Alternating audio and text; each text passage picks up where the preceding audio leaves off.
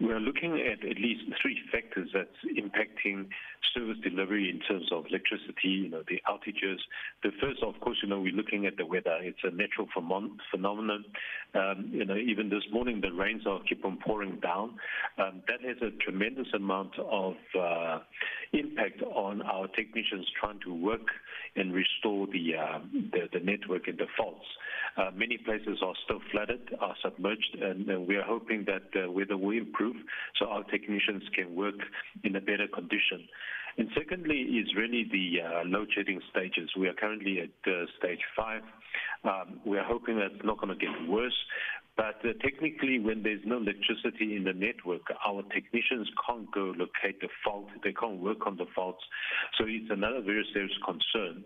And number three, it's really the criminal elements. Um, infrastructure vandalism and theft of cables are really um, in, increasing as, as we speak. It's now getting even worse that our technicians are being attacked. Yesterday, four of our city power technicians, whilst working in the Jeppes area, were held at gunpoint and attacked, assaulted. Uh, unfortunately, one of our technicians is still in hospital, uh, only to be robbed of their belongings. And the worst of all, this was done in the open view of uh, residents and community members standing by. So we are seriously very concerned about all these factors coming to play. Um, in my meeting with the City Power Board and the CEO, the CEO has uh, described it as a perfect storm. But even with that, we're really doing our utmost best. Our councillors are communicating and assisting. Our teams on the ground are working very hard to ensure that we get the restorations um, sorted as soon as possible. But uh, we are working around the clock to ensure that uh, this crisis will not stay with us for too long.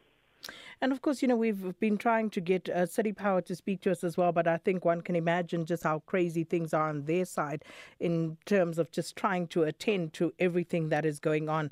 Now, we know that these things are bad at the best of times when we're just dealing with normal load shedding. And now, with the added pressure of the floods, it seems as though uh, things, as you say, have just converged in a perfect storm. But which areas around the city of Joburg have been hardest hit, Mr. Sun? The hardest hit must be the Roodepoort area.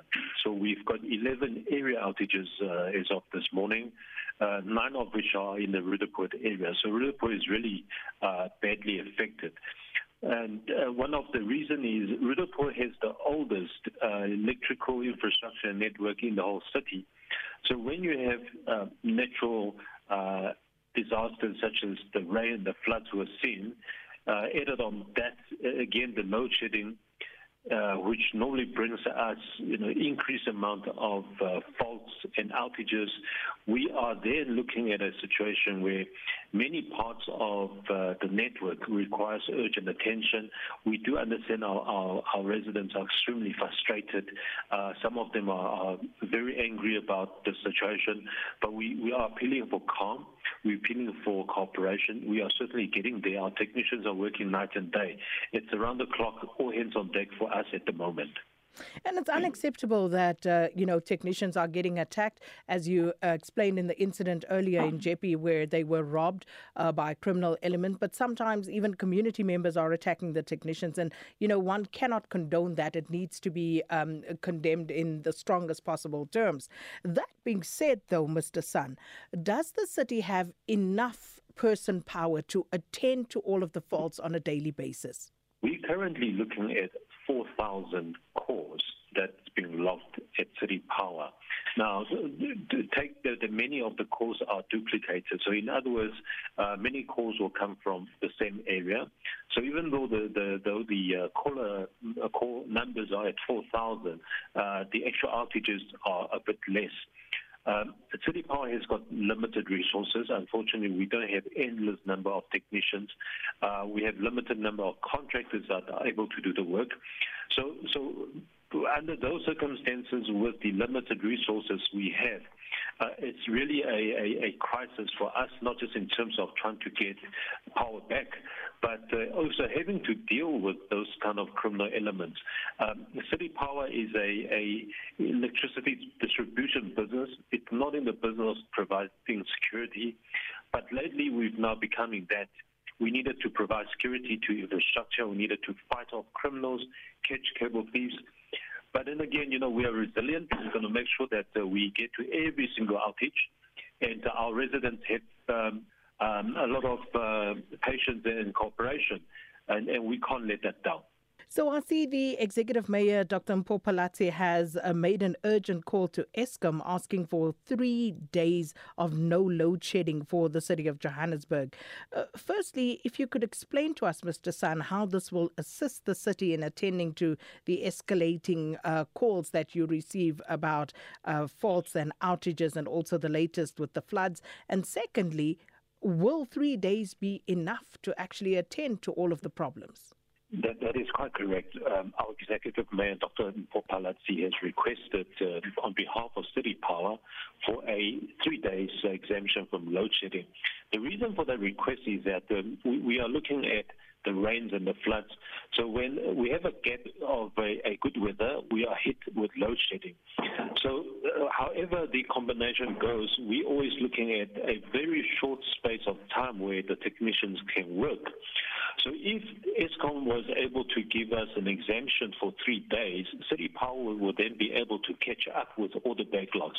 We've done the calculations. We probably need a day to two days to ensure that we stabilize the situation. But three days will be sufficient for us to get all the uh, outstanding faults uh, resolved. So this is what we've requested to City uh, to ESCOM yesterday. We have received an interim feedback, um, but it is not yet confirmed. We're still working with the ESCOM to ensure that uh, they uh, agree to our request. It's, it's really an emergency.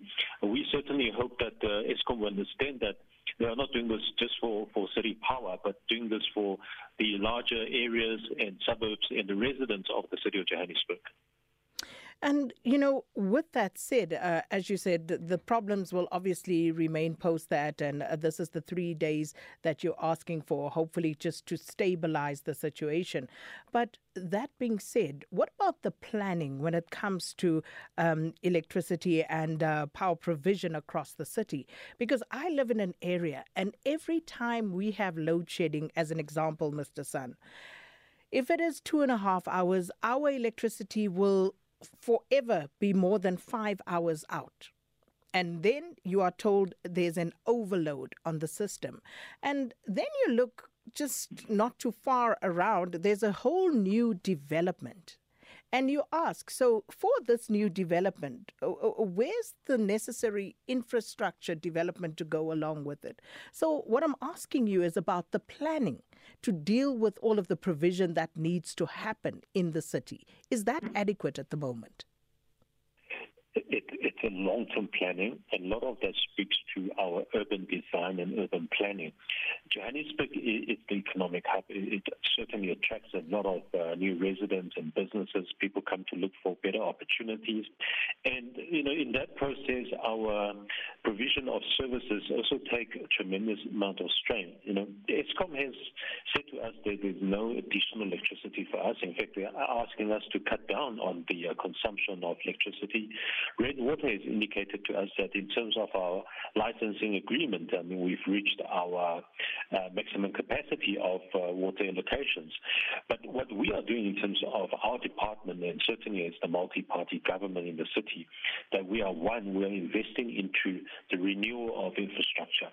We're not only maintaining and fixing, we're going to put down new infrastructure so that would then uh, dovetail our IPP program, our independent power producer procurement program, as we get more capacity on the one hand, we are able to ensure that our electrical network and grid is uh, at an optimal uh, condition.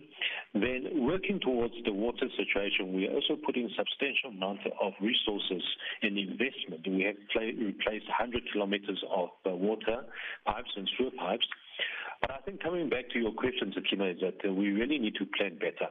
And this is where our Department of Development Planning will then look at what is necessary and what is good for the city.